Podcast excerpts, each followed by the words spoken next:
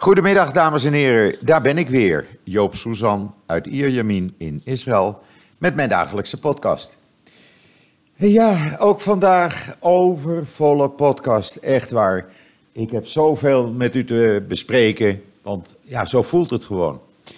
Maar laten we eerst maar even gauw eh, het weer gaan doen. Eh, het is eindelijk normaal weer geworden hier in Israël. Het is eh, 33 graden, normaal noemen wij dat voor deze tijd van het jaar. Het is gewoon lekker. Blauwe lucht, een zwak briesje. En uh, ja, ideaal strandweer zou ik zeggen. Alleen, ja, ik heb er geen tijd voor, helaas. Uh, JoodsNL gaat voor. Uh, over JoodsNL gesproken, wat hebben we daarop staan vandaag? Nou, het is weer een heleboel. Allereerst, gisteravond kwam het bericht dat de IDF onthuld heeft waar de locatie van Hezbollah is waar ze precisieraketten maken. Uh, ze hebben die uh, locatie ontdekt. Die ligt in de buurt van uh, het dorpje Nabi Shit in de BK-vallei. Geen onbekend gebied voor Israël. in Libanon dus. en enkele jaren geleden, volgens de IDF, werd daar op die plek de wapenproductie door Iran opgestort, opgestart. om zodoende Hezbollah van ter plaatse gemaakte wapens te voorzien. En de verklaring die komt eigenlijk uh, ja, komt twee, uh, iets minder dan twee weken nadat uh, twee aan Israël toegeschreven drones grote schade in, aan een gebouw in Beirut hebben aangericht. Waar de belangrijkste componenten van dat rakettenproject, de precieze raketten, zouden worden gemaakt. Althans, daar waren die, uh, die componenten opgeslagen, zo moet ik het eigenlijk zeggen. En de plek uh, die ze nu hebben ontdekt, daar staan een aantal complexen. Uh, er staat een complex wat, waar de motorenproductie plaatsvindt. Er is een complex voor de kernkopproductie, de kwaliteitscontrole en een ruimte waar de logistiek uh, plaatsvindt. Dus het is allemaal goed onderverdeeld. Uh, die uh, precisieraketten die worden zo nauwkeurig dat ze het doel raken eh, ja, binnen een afstand van 10 meter van het doel. En dat is natuurlijk, ja, dat, dat baart de IDF en heel Israël eigenlijk zorgen. Iran die eh, heeft niet alleen voor de productie van die raketten gezorgd, maar ook de machines geleverd. En traint ook de arbeiders. En daarnaast hebben ze een aantal mensen uh, op de plek uh, gestationeerd, in die fabrieken, zullen we maar zeggen, die de productie in de gaten houden. Volgens de IDF is deze faciliteit die ze nu ontdekt hebben van superieur belang voor het Hezbollah precisierakettenproject. En daarom Hezbollah die, die, die heeft dat in de gaten inmiddels. En die heeft uit angst voor aanvallen uh, de meest kostbare en unieke uitrustingstukken geëvacueerd naar een aantal civiele locaties, dus burgerplekken, in Beirut, al dus de IDF. waarmee ze dus ook weer een verwijzing geven naar die recente droneaanval. Frappant is, dan moet ik erbij zeggen, dat in een toespraak uh, jongsleden zaterdag de Hezbollah-terreurbaas uh, meneer Nasrallah vanuit zijn uh, diep onder de grond gelegen bunker vertelde: Wij hebben deze fabrieken niet. Dat is een pertinente leugen van Netanyahu om als excuus te dienen om ons aan te vallen. Nou, eens kijken wat hij nou zegt na de publicatie door de IDF van de locaties met luchtfoto's en alles. U kunt het zien op joods.nl. En dan iets heel, uh, ja, ik vind dat wel uh, apart eigenlijk. Faudastar Lioras. Uh, kijk op joods.nl, dan ziet u zijn foto, dan weet u wie ik bedoel. Die was in Abu Dhabi, Abu Dhabi om een film op te nemen. Een nieuwe film die in december in première gaat. Eh, over een aantal miljonairs die eh, voordoen alsof ze dood, eh, dood zijn. En eh, gezamenlijk een zelfmoordsquad eh, beginnen tegen misdadigers. In ieder geval, hij was daar dus een tijdje in Abu Dhabi, Lioras uit Israël. En hij had een bodyguard nodig. Ja, niet omdat hij zich onveilig voelde. Maar iedereen in eh, Abu Dhabi, Abu Dhabi, zodra hij op straat liep, die wilde een selfie met hem maken. En hij zegt, het is niet alleen in Abu Dhabi, het is over de hele Arabische wereld, in, in alle Arabische landen is Fauda enorm populair. Eh, en hij zegt dat komt ook eh, vooral doordat er ook Arabisch wordt gesproken in die film. En het laat de realiteit zien.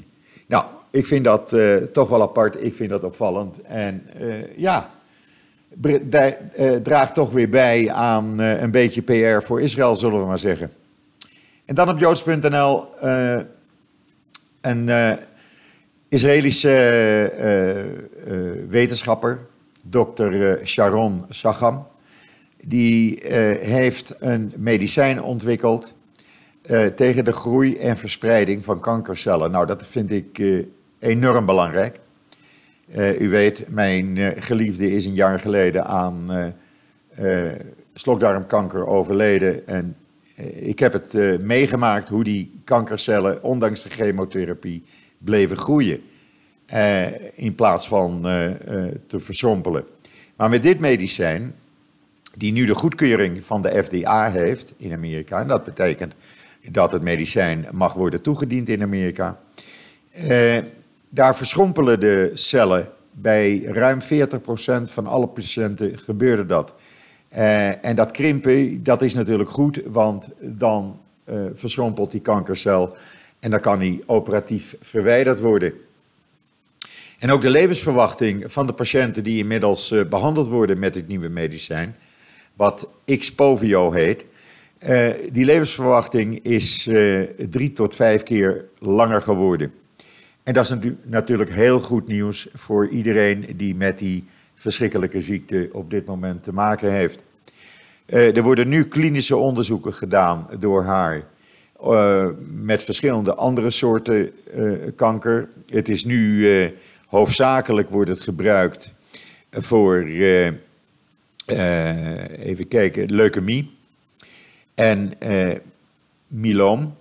Maar er worden nu ook onderzoeken gedaan voor baarmoederhalskanker, hersenkanker en lymfklierkanker. Om te kijken of dit medicijn daar ook voor werkt.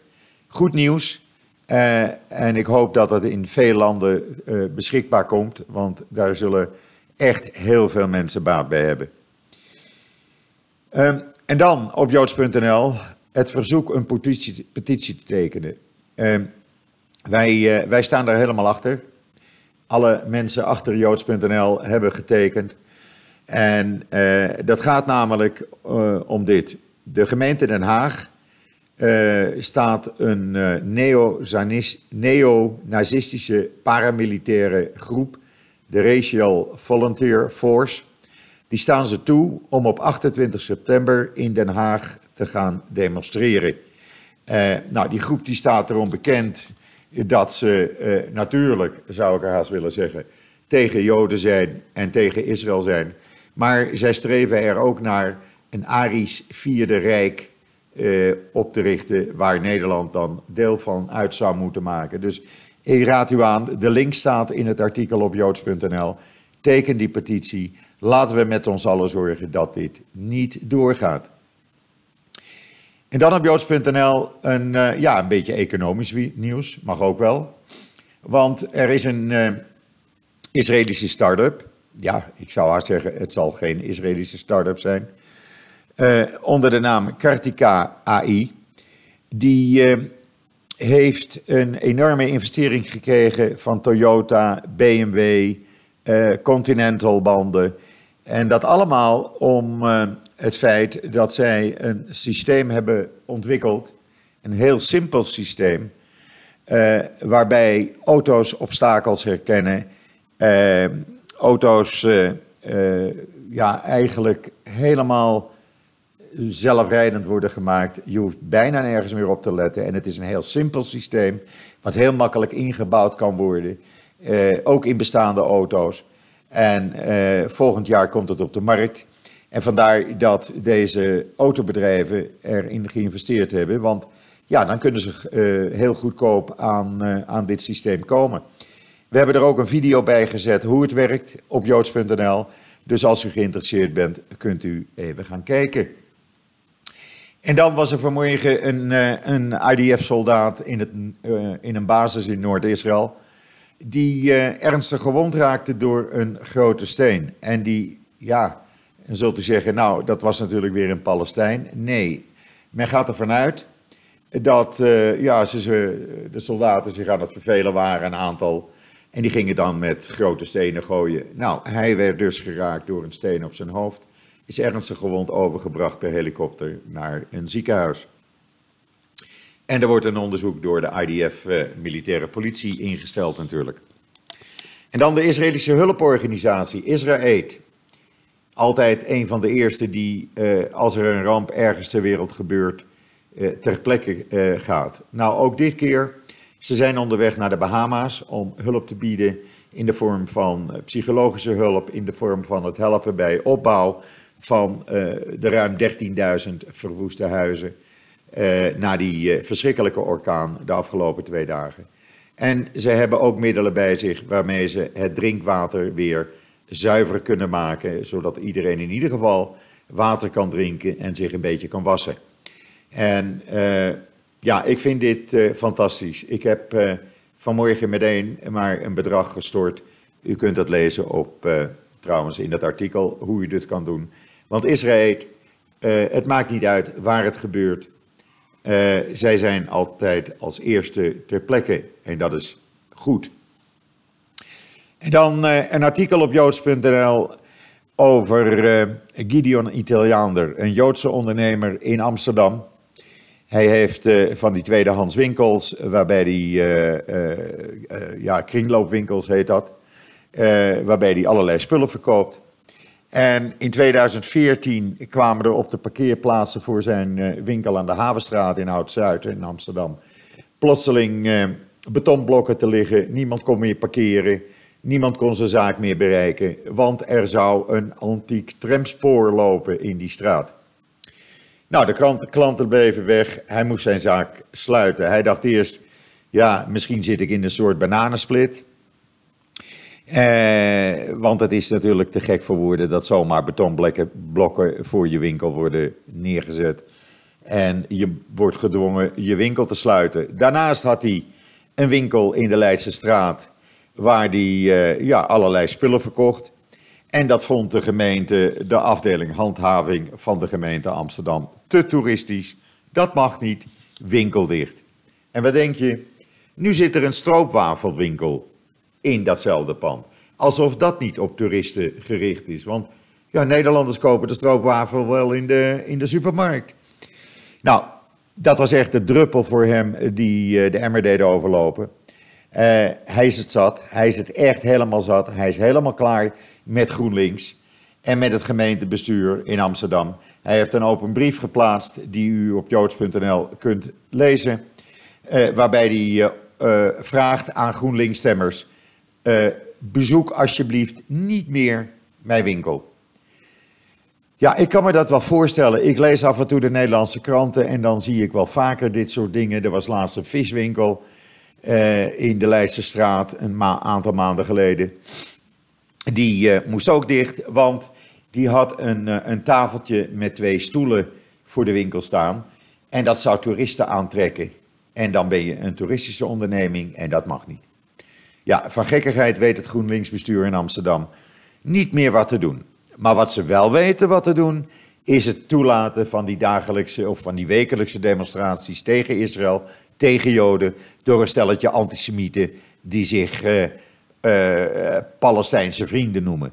Nou, ik vind het een groot schandaal. Een groot schandaal.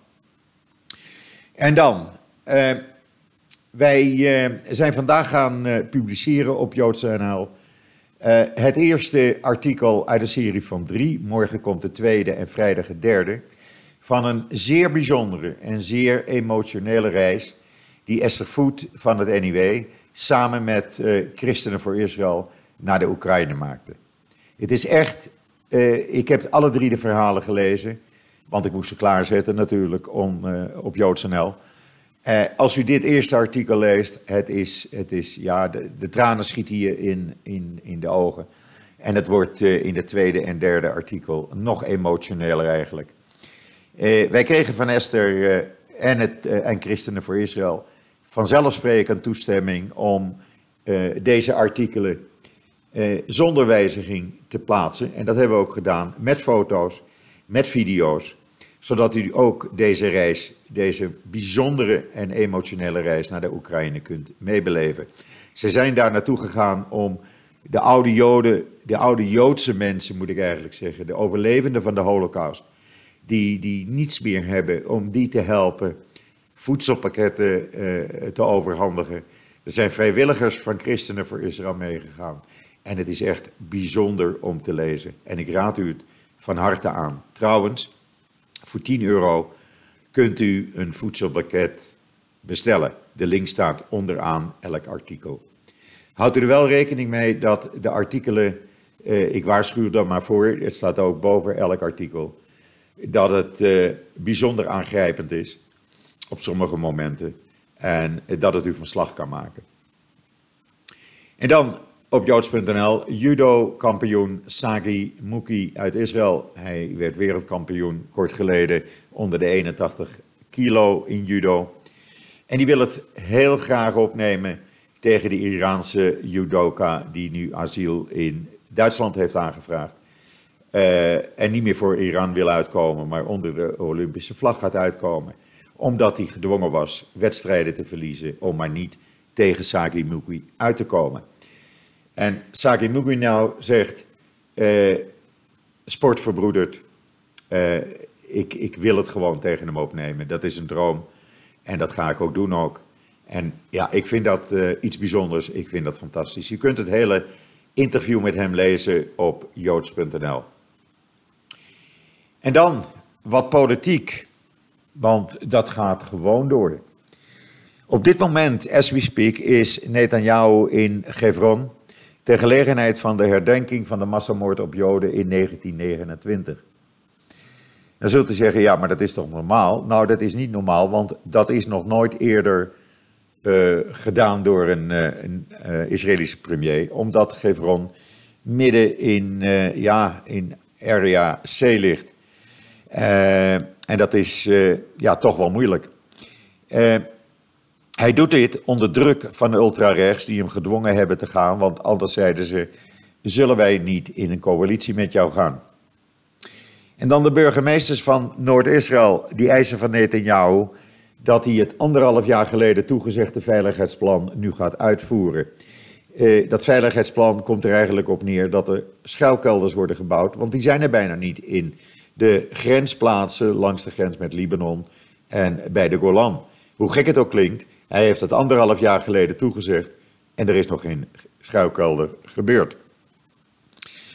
Dan zegt Netanyahu dat hij Trump beweegt om het vredesvoorstel meteen na de verkiezingen bekend te maken. Want had hij tegen Trump gezegd: Ik ben de enige die weet hoe ermee om te gaan. We zullen het zien. Dan moet hij toch eerst de verkiezingen winnen. Eh, het ministerie van Justitie trouwens uit nu hevige kritiek op Netanyahu wegens zijn bemoeienissen eh, met het ministerie van Communicatie in 2017. U weet, gisteren hadden wij het hele verhaal met het geluidsfragment op joods.nl. Hoe die tekeer ging en schreeuwend uh, en tierend tegen de toenmalige minister van Communicatie, die zijn, zijn eisen niet uitvoerde om, uh, en niet mee wilde werken om een vriendje van hem uh, te bevoordelen. En nou zegt ook het ministerie van Justitie, ja, maar dat kan helemaal niet. Jij hoort je daar niet mee te bemoeien. En dat is nogal wat, want die minister van Justitie is door Netanyahu zelf benoemd, onlangs. En dan Benny Gans is wel heel duidelijk. Die zegt geen nieuwe regering met ultra-orthodoxe partijen. Wij laten ons niet chanteren, er gaat te veel geld uh, belastinggeld naar die ultra-orthodoxe partijen toe. Eh, daar werken wij niet meer aan mee.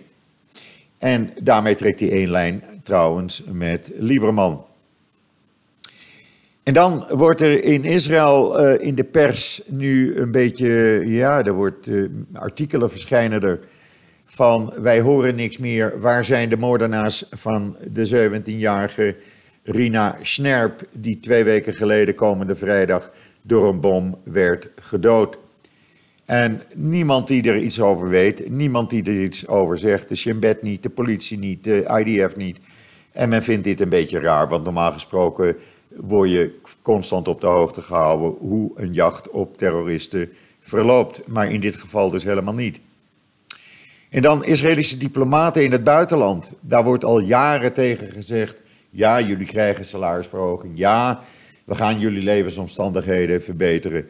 Want vooral uh, lagere diplomaten, Israëlische diplomaten in het buitenland, krijgen een minimaal salaris. En de mensen kunnen er niet meer van rondkomen. En nu is het zo dat diplomaten in diverse landen vragen de Joodse gemeenschappen in die landen om geld om alsnog hun werk te doen, om werkbezoeken uit te, uit te voeren, et cetera. Want ze hebben er geen budget meer voor. En Netanyahu belooft en belooft en er komt geen geld. En dat is echt al jaren zo. Ik ken een aantal diplomaten die in het buitenland hebben gezeten. En nou, eh, het mag dan heel mooi klinken. Je bent consul dit of je bent eh, eh, secretaris dat op een ambassade. Je krijgt er geen cent voor. En dan is er weer een Joodse man en zijn zoon in Brooklyn neergestoken door een man met een Stanley mes. Politie van New York noemt het een antisemitische daad en is op jacht naar de dader. En dan ter afsluiting nog even iets totaal gestoord, noem ik het maar. Echt, ik noem het totaal gestoord. Een Libanees echtpaar heeft zijn baby gisteren vernoemd naar Avivim. De plek waar de Hezbollah-raket zondag, of de raketten zondag neerkwamen in Israël. Dat uh, dorpje bij de grens met Libanon. En dan wordt je baby geboren en dan ga je het noemen naar een Israëlische stad of, of dorpje. Wat dus door Hezbollah is uh, gebombardeerd. Althans, dat hebben ze geprobeerd. Nou, ik noem, dan ben je echt gestoord en dan moet je echt een pilletje vragen aan de dokter. Want ik heb medelijden met, uh, met dat kind. En die ouders, ja, nou ja, laat ik daar maar niks meer over zeggen. Ja, eh, wat ik nog even aan u kwijt wilde, de enorme leuke respons die uh, wij krijgen uh, bijna dagelijks nu. Sinds we een week geleden begonnen zijn met de rubriek Wat schrijven de Israëlische kranten? Het blijkt dat uh, u met, met honderden, nou eigenlijk duizenden hierop zit te wachten. Want uh, zodra het online, online komt in JoodsNL, dan merken wij uh, hoe gretig dat gelezen gaat worden. En ja, het is veel blij dat we het kunnen doen. Uh, en we zijn ook blij dat we een nieuwe medewerkster erbij hebben. Die volgende week met haar eerste stukken komt. Ik ga niet zeggen wie, want het is een hele bekende journaliste in Nederland. Maar ze is volgende week in Israël een dag of tien. Komt ook nog even bij mij eten, gezellig. En misschien gaan we nog een podcast samen opnemen. Eigenlijk misschien, ik wil dat gewoon. En zij vindt het ook leuk om te doen. Eh, maar dat, komt, eh, dat merkt u allemaal volgende week wel. In ieder geval, zij gaat een aantal artikelen schrijven eh, over wat zij hier in Israël gaat meemaken volgende week. En wij kijken er naar uit en ik kan u verzekeren, u gaat er ook naar uitkijken en u zult dat heel plezierig vinden om het te kunnen lezen. Goed, dat was dan de podcast voor vandaag. Uh, ja, een dag is niks meer tegenwoordig, het is zo om. En ik zit al bijna weer te denken aan de podcast van morgen, kunt u nagaan. Dus rest mij u nog een hele fijne voortzetting van deze 4 september alweer toe te wensen. De tijd vliegt. En wat mij betreft zeg ik zo als iedere dag: tot ziens. Tot morgen.